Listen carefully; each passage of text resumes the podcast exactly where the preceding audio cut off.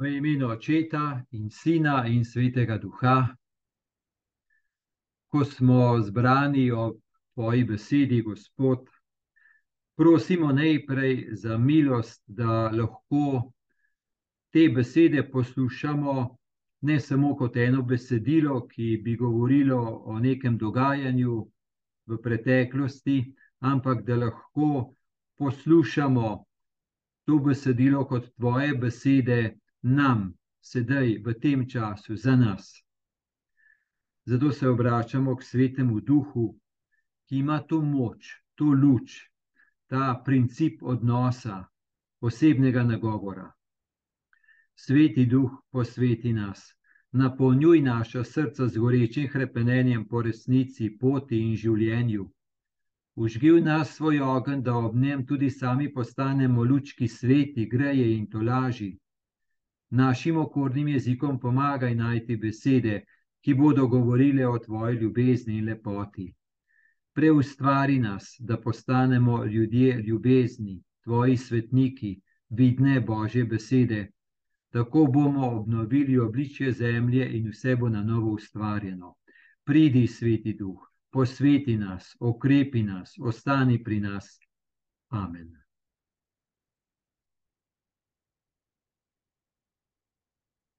Odlomek, ki nam je dan v cerkvi za nedeljo, tretjo nedeljo med letom, je iz Markovega evangelija, prvo poglavje, vrstice 14 do 20. Ko so Janeza zaprli v ječo, je šel Jezus v Galilejo. Oznanjal je Božji evangelij in govoril: čas se je dopolnil in Božje kraljestvo se je približalo, spreobrnite se in verujte evangeliju. Ko je šel ob Galilejskem jezeru, je zagledal Simona in Andreja, Simonovega brata, ki sta metala mrežo v jezero. Bila sta namreč ribiča. Jezus jim je rekel: Hodite za menoj in naredil vaju bom za ribiča ljudi. Takoj sta pustila mreže in šla za njim. Ko je šel malo naprej, je zagledal Jakoba, Zebedejevega sina in njegovega brata Janeza, ki sta bila tudi v čovnu in popravljala mreže. Tako ju je poklical.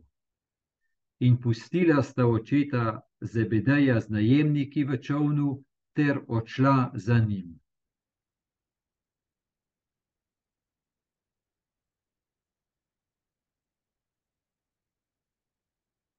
Prejšnjo nedeljo smo imeli odlomek iz Janezovega evangelija in je bil tudi o klicu prvih učencev, Jezusovih učencev.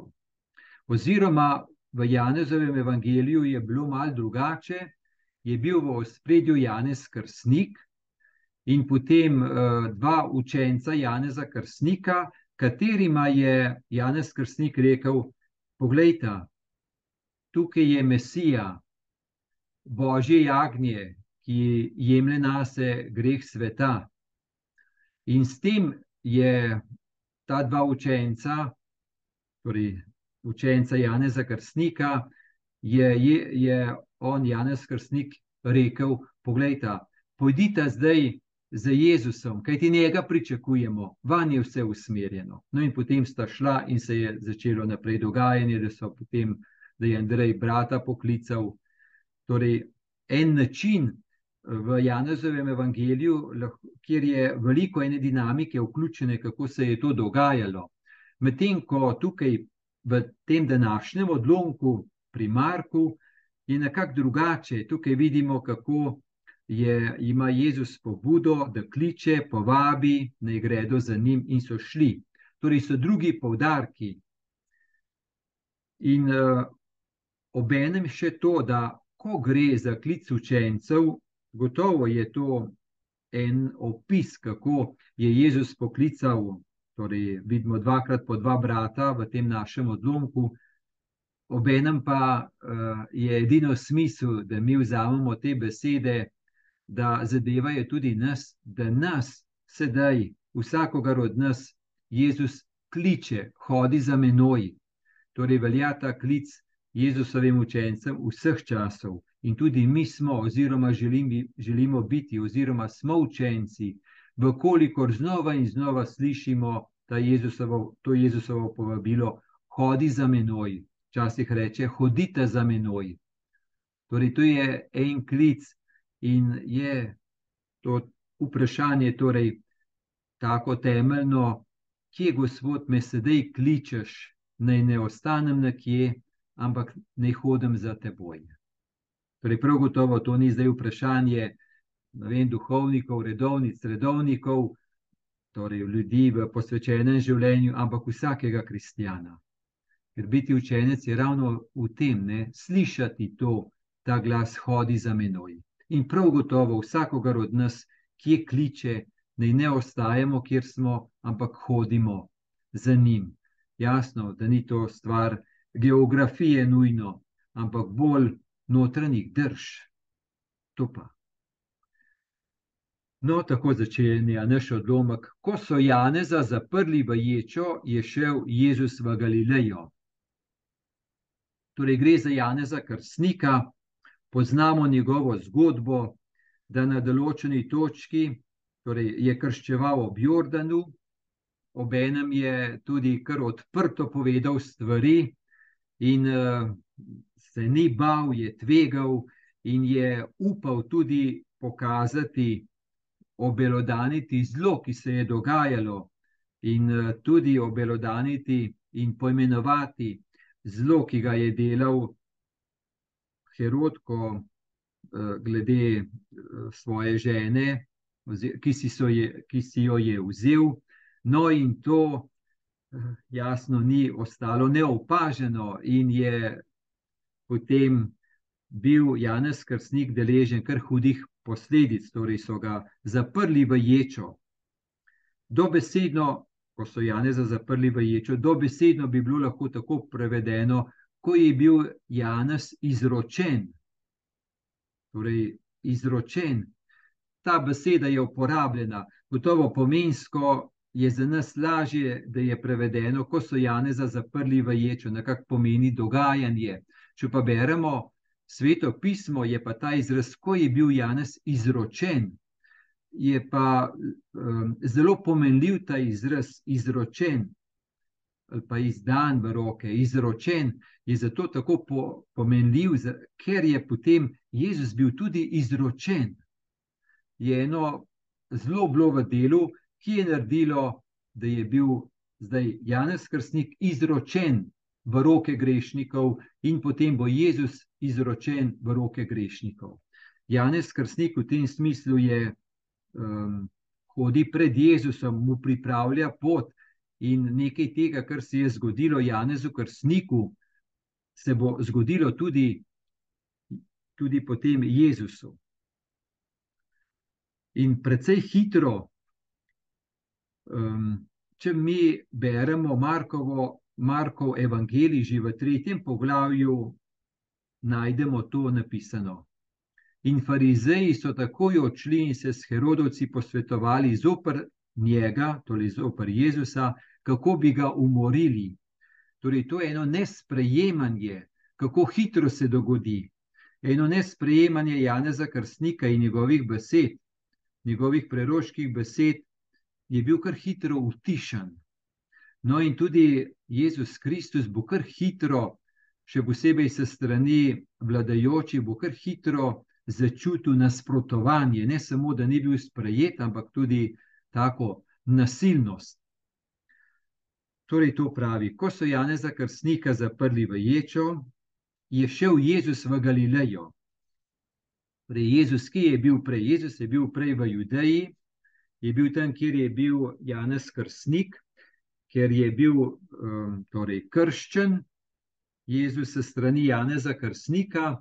No, in potem je Jezus vedel, da se je nekaj tragičnega zgodilo z Janezom Krstnikom. No, in to, ta dogodek, da se je to zgodilo z Janezom Krstnikom, je pomenilo za Jezusa, kot da bi Jezus začutil, zdaj pa je prišel moj čas, zdaj pa prav, da začnem, zdaj pa prav, da grem. No, in pravi, je šel v Galilejo. Judeja je bolj na jugu, Galileja je na sever in Galileja je tudi Jezusov kraj, kjer je Jezus odraščal. Galileja, to je en tak v Palestini, en tak kraj, kjer bi lahko rekli, torej Galileja ni bila tako, m, tako dogmatsko pravoverna, kot je bila Judeja. Torej, Judeja, kjer je Jeruzalem, tam so zelo nagovali, bi rekli, en tak zelo čist verski nauk zelo čist, um, so zelo to nagovali v Jeruzalemu. Potem imamo, imamo na severu od Judeje, je Samarija.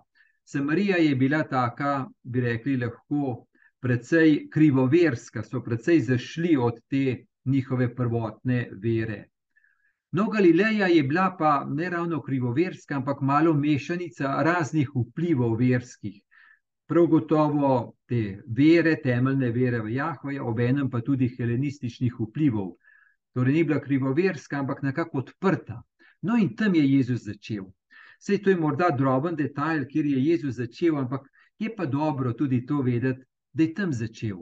Torej, področje, ki ga je do ene mere poznal, ker je tam odraščal v Galileji, obenem pa tudi bi rekel, ni ravno začel takoj v taki um, versko čisti judeji, tudi ne pri krivoverski, ampak nekje vmes. No, in torej, ko so Janeza zaprli v ječo, je šel Jezus v Galilejo. Torej, v določenem trenutku je zaslutil, no, zdaj pa prav, da je začnem. Z Janezom Krstnikom se je tole začelo, da, da so ga zaprli, zdaj pa je prav, da je začnem. Pravi naprej odlomek. Oznanjal je Božji evangelij in govoril: čas se je dopolnil in Božje kraljestvo se je približalo, spreobrnite se in verujte evangeliju. Torej, to je Jezus začel učiti. Čas se je dopolnil. To besedno je tako, da je čas postal poven, nekako da se je čas zgostil. Ko govorimo o času, jasno, imamo pred seboj čas, ki teče, tako ena, ena horizontalnost kronološkega časa, čas, ki teče, ki ga meri ura, obenem pa vemo tudi iz naše izkušnje, da kronološki čas sicer teče, ampak da je pa še en drug čas, ki ga imenujemo Kajros. Eh, čas milosti, torej, da se nekaj dopolni, ko nekaj dozori. In um, to, da nekaj dozori, je pač drugo. Naprimer, ne moramo reči temu mlademu fantu, um, ti si pa, pa ne vem, enemu, da bi rekel. No, kronološko boš dozoril za poroko, ko boš star, ne vem, rečemo 23 let in takrat se poroči. Je eno drug čas, čas enega zorenja, ene milosti, ko nekaj dozori, da se lahko nekdo poroči, torej da stopi korak v poroko, da prevzame odgovornost za življenje, za zakon, pa potem za otroke, če bodo. No, in torej, da se nekaj dopolni, da nekaj dozori. Zdaj, v tem smislu, čas se je dopolnil in Božje kraljestvo se je približalo, lahko pogledamo v zelo taki temeljni, pa globalni viziji odrešenja. Torej, po odpadu od Boga, ko se je, ko se je človek pogreznil nekako v sebe v, in je začutil tudi posledice tega, ko se je pogreznil v sebe, v zgolj svoje moči, je čutil posledico strah zase. Ogromno strahu zase, ogromno reševanje samega sebe, in to je padlost in neodrešenost. Torej, ko padli človek ni mogel se sam približati Bogu, um, ponovno se odpreti Božji ljubezni, ker pač ni vedel, kaj to je.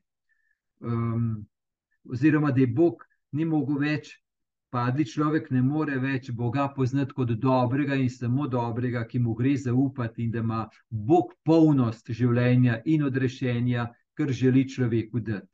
Torej, padli človek je tako zamegljen, tako mu pogled dol pade, da vidi samo še svoje, dobro, svojih nekaj sposobnosti, pa moči, ampak uh, obenem pa tudi vidi svojo krhkost. negotovost, ogromno enega strahu, no in to ga dol vleče. Torej, padli človek je močno ujet, ujet v neodrešenost, ujet v strah, ujet v nesvobodo in v eno plitvino življenja in preživetja. No, Bog pa želi polnost. No, in tukaj pravi, če se je dopolnil, Bog je prišel blizu. Torej, ni to, da bi človek se dvignil iz svoje padlosti v Boga in šel k Bogu, ampak Bog se je spustil. V Božjem sinu se je spustil, postal človek, stopil v človeškost, da bi v človeškost prinesel Božje življenje, ki ga je padli človek zgubil. Torej ga nima, ga ne pozna. Torej Bog pride.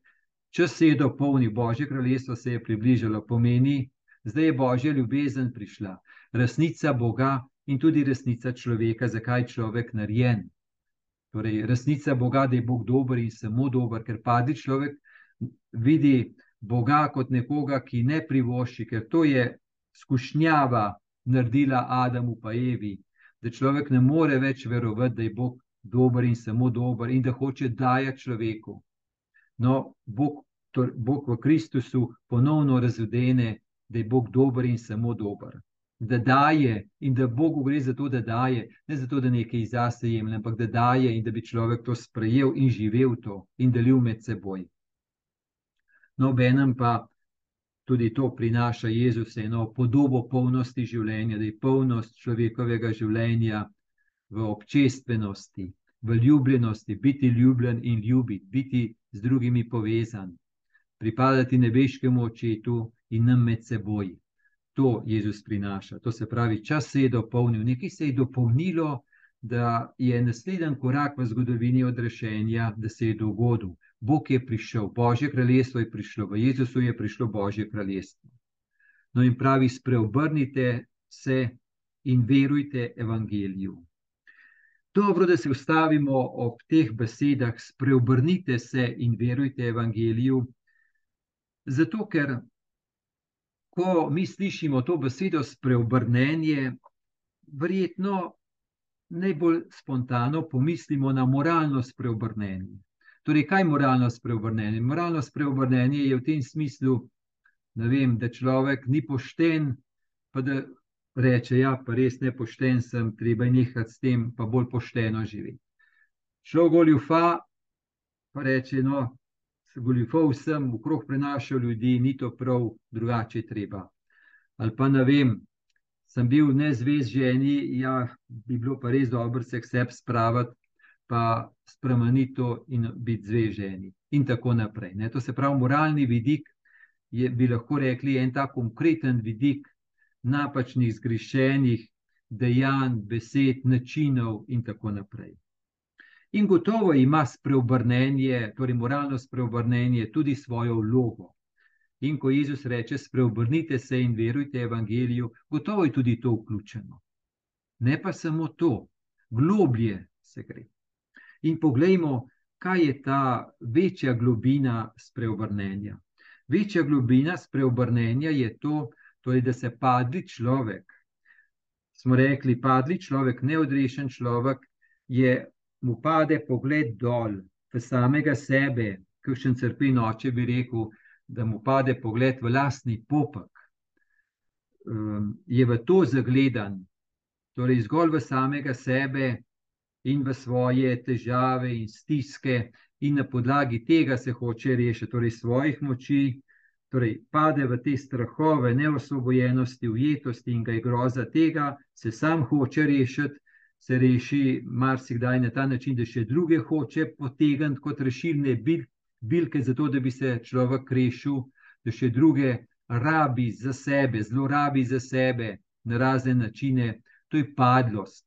No, in je spreobrnenje temeljno v to, da ko človek, človek se zagleda samo vase, da bi toliko dvignil pogled, da bi lahko zagledal Kristusa, ki prihaja.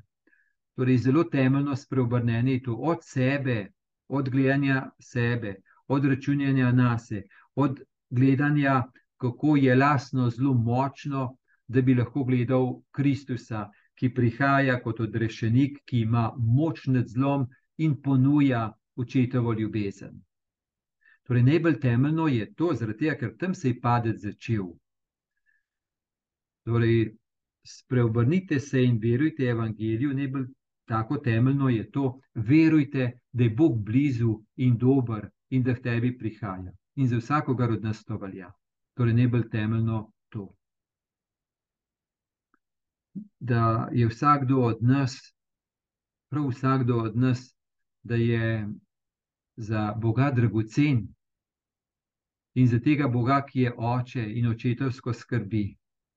In skrbi znotraj tega zgodovinskega kaosa, ki je res marsikdaj en kaos. In je res duhovna bitka med tem, da ta zgodovinski kaos človeka dol potegne, ga potlači dol, ga nekako pribije dol, in se človek hoče rešiti na kakšen način, napolniti svoje življenje, ali pa da se odpre božjemu življenju, ki ga Kristus prinaša. Torej, ta preobrat od gledanja sebe, zla, v gledanje Kristusa, božje ponudbe, spreobrnce, torej obrniti pogled od sebe, dvigant pogled in verovati, znova in znova, znova in znova verovati. In kolikor bolj hoče ta pogled dol, pa toliko bolj. Potem pa je spreobrnite se in verujte evangeliju, gotovo tudi ta vidik, bi rekel, lahko moralni vidik, um, da je človek polno človekovega življenja, da je v ljubezni, torej biti ljubljen in ljubiti, da je polno človekovega življenja v tem, da je človeku kaj mar za druge, da daruje svoje življenje. Torej, da ni polno, švo, da ni polno življenja v čim bolj si prvošče, čim bolj se znaj, čim bolj sam zase gleda, čim bolj grabiti k sebi, čim bolj vse za to, da bo človek napolnil svoje telo, pa svoje čute in svoje čustva, ampak da ne samo da hrabi k sebi, da ni, da ni v tem polnost, ampak da je polnost v da, dajanju, v daritvi, v podaritvi. No, to Jezus tudi kaže kaj to pomeni na božji način živeti človeško življenje, kaj pomeni božje življenje živeti v človeškosti. To on pokaže prav s tem, kako je do ljudi in kako se do konca daruje in kako zaupa nebeškemu očetu. Torej, vse to je nekakšna globina spreobrnenja. Spreobrnite se in verujte evangeliju, ni samo pred uh, spiskom moralnih vrednot in vidim, ki odstopam in se potrudim za to. Tudi to, sam globlje, odrešenje je globlje in gre za ta uh, izvir, za globino, kjer človek odpada od Boga in kako je ponovno v Kristusu ucepljen. Oziroma, povezan z očetom, z nebeškim očetom, z izvirom večne ljubezni. Zato gre, torej, ko Jezus pravi, Čas se je dopolnil, Božje kraljestvo se je približalo, spreobrnite se in verujte evangeliju. No, še to, nekdo je tako rekel: Ko nisem poznal Kristusa, sem grešil in vsak greh me je usmeril v nov greh. Ko pa poznam Kristusa, še grešim. A se vselej znova obrnem k Kristusu, ki mi odpušča in mi daje moči, da bi ne bil v oblasti greha. No, mislim, da ta, v teh besedah je ogromno povedano to, kar sem prej na bolj tak dolg način poskušal povedati. Se mi zdi pa pomembno, da slišimo, kaj nam Jezus govori, da ne bi zreducirani bili na zgolj moralni vidik. No, zdaj pa gremo brž naprej, da pridemo do teh klicev učencev. Ko je šel ob Galilejskem jezeru, je zagledal Simona in Andreja, Simonovega brata, ki sta metala mrežo v jezero. Bila sta namreč ribiča. Jezus jim je rekel: Hodite za menoj in naredil vaju bom za ribiča ljudi. Takoj sta pustila mreže in šla za njim. Torej, ob Galilejskem jezeru gotovo je bilo ogromno enih ribičev, je pa ta dva poklical. Zakaj ta dva, ne vemo, ampak ta dva je poklical. No, in jim je rekel: Hodite za menoj in naredil vaju bom za ribiča ljudi. Torej, ribiča sta bila in jim je rekel: Naredil vaju bom za ribiča ljudi. Ko boste hodila za menoj, vaju bom naredil za ribiča ljudi.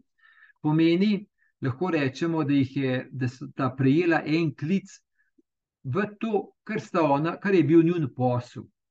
Torej, ona dva sta vedela, kaj pomeni biti ribiča, rib, kaj pa sta ribe ven ulekla. Ne?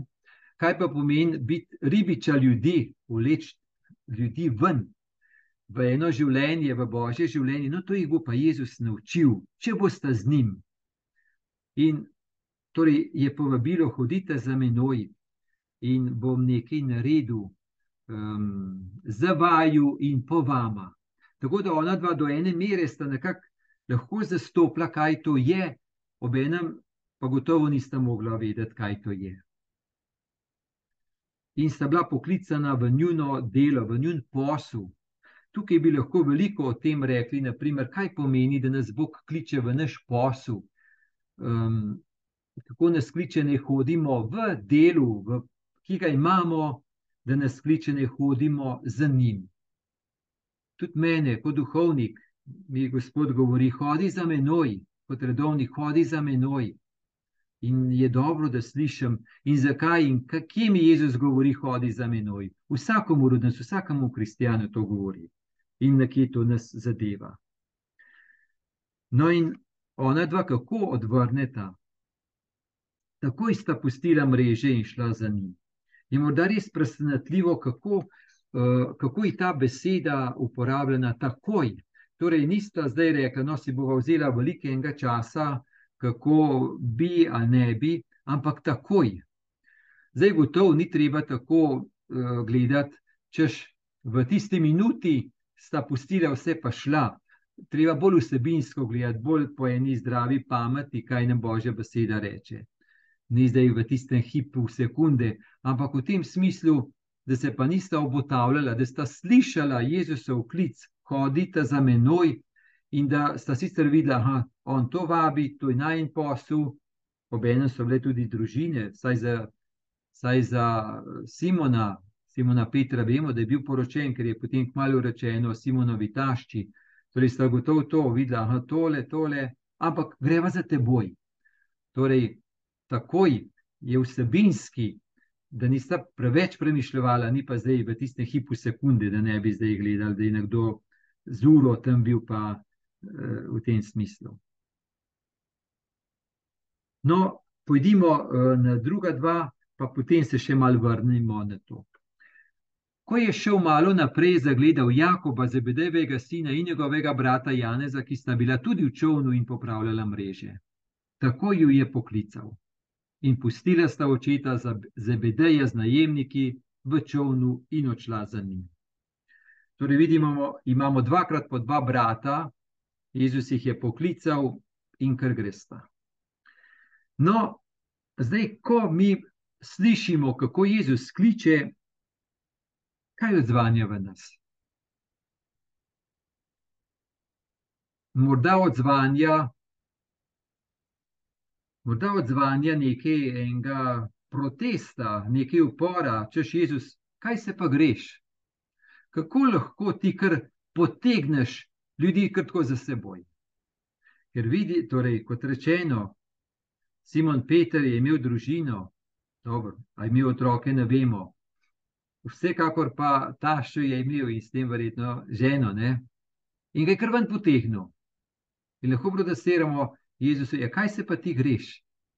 Potem, torej, tukaj je imenovan Zebedej, torej oče Zebedej, Očitno je to tako bilo kot eno družinsko podjetje, lahko rečemo, ne? ribiško družinsko podjetje.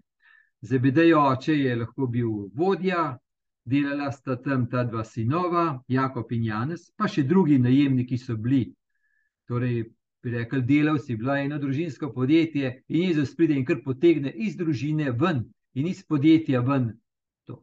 Tako da je lahko nekaj tega, kako to, da si Jezus toliko dovoli za koga se ima in zakaj se ima, da si kar dovoli, bi rekel, ene dobre stvari.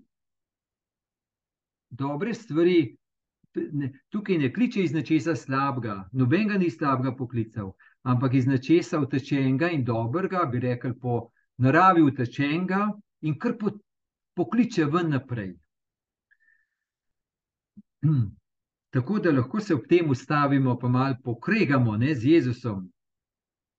No, ob enem je pa treba iti globlje, da Jezus Kristus prihaja in da ne zato, da bi zlorabil, ampak zato, da bi nekaj tega, kar je od očeta prinesel, da bi dal.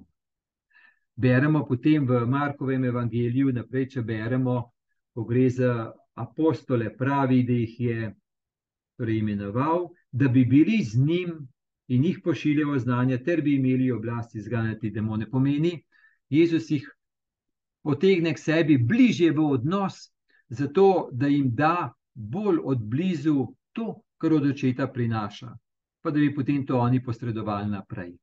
Torej je v Jezusu dopolnitev, večja polnost v tem smislu.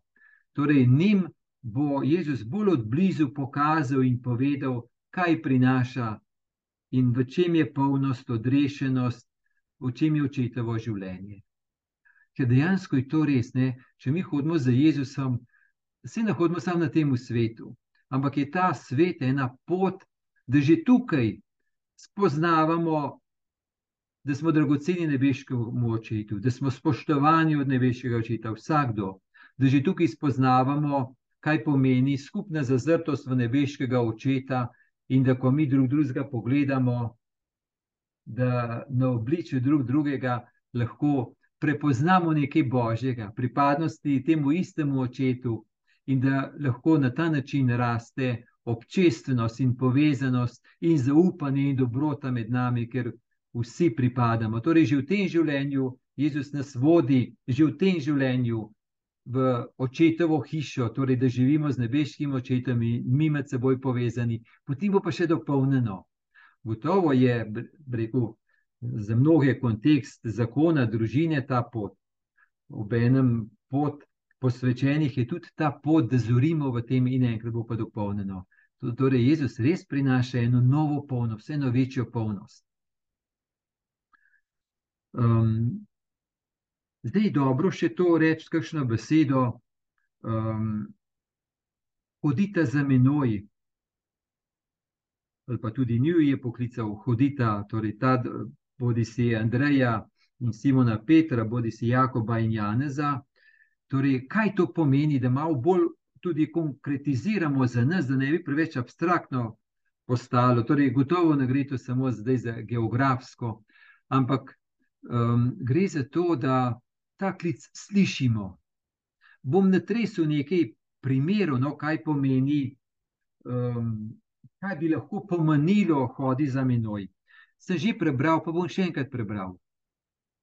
Ko nisem poznal Kristusa, sem grešil in vsak greh me je usmeril v nov greh. Ko pa poznam Kristusa, pa grešim, se vselej znova obrnem k Kristusu, ki mi odpušča in mi daje moči, da ne bi bil v oblasti greha.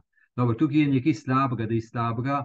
Um, kliče v dobro, pomeni, da njega kliče grešnika, kaj kliče. Ja, grešnik si, zaupaj mi, zaupaj, jaz imam usmiljenje do tebe, ozri se k meni, izroči mi svoj greh, pa bo šlo naprej, pa bo šla pot odrešenja naprej. Je ta klic grešniku. Zaupaj mi, zaupaj, zanesi se na moje usmiljenje.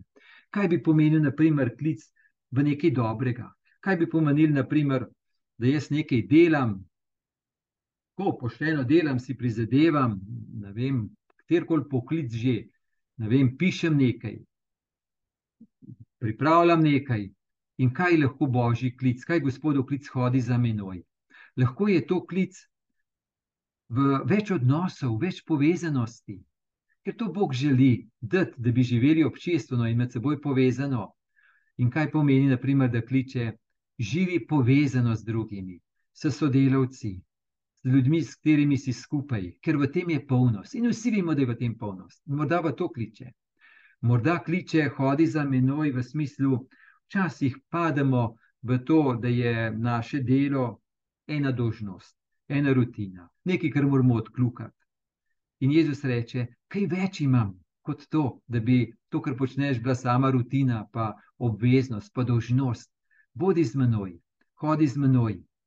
Um, zanesi se name, zanesi se na mojo ljubezen in boš videl, da bo večja polnost. Tako da te konkretnosti, ne, um, je dobro, da se vprašamo, Jezus, tudi jaz sem in želim biti tvoj učenec oziroma učenka. In me vabiš, ne hodim za teboj. Ki še posebej zdaj je pomembno, da slišim tvoj glas, ki me vabiš, ne hodim za teboj. Ne, ne bom ujet v nečem neodrešenem, kjer še ni polnosti, pa ni nujno, da je moralno slabo, smo rekli, tudi kaj drugega, ker nam bo prinaša Jezus, nam želi večjo polnost. Torej, da res poprašamo Jezusa, kje, za katero področje mojega življenja, moje osebe, mojega delovanja želiš, ne hodim za teboj. Ne, da ti bolj zaupam, da se ti bolj odprem, da se bolj zanesem na te, da sem več s teboj in da bo več polnosti v mojem življenju, v mojih odnosih. No, tako nekako. Torej, kje mi Jezus to reče, v katero situacijo, v katero področje, ob tem se lahko tudi ustavimo. Kot rečeno, lahko se tudi malo mal skregamo z Jezusom, češ kaj, kaj me motiš v življenju. Jaz imam ustaljen življenje, vem, kaj je prav in kaj je treba, in to je to, kaj me še kaj No, lahko je pa več odprtosti, pa več odnosa. No, tako, torej, smo šli na kratko skozi ta odlomek, ki je res tako bogat, veliko enih poudarkov je, ponekod smo se lahko malo več ustavili, ponekod malo manj. Lahko je tudi to vprašanje, če Jezus to rečeš, spreobrni se. Če mi ti rečeš, Jezus, spreobrni se in veruj evangeliju, kaj to meni ti govoriš? Kje ni se spreobrnem? Ni ti bolj zaupam, ki ni bolj zaupam, evangelij je dobra vest, dobra vest, temeljna dobra vest, da, da nisem sam, da si z menoj, Gospod, da sem ti dragocen. Torej imamo nekaj, kjer je prav, da se še ustavim. No, in naj nas vse spremlja pri vsem tem in v življenju Božji blagoslov, blagoslov Boga Očeta in Sina in Svetega Duha. Amen.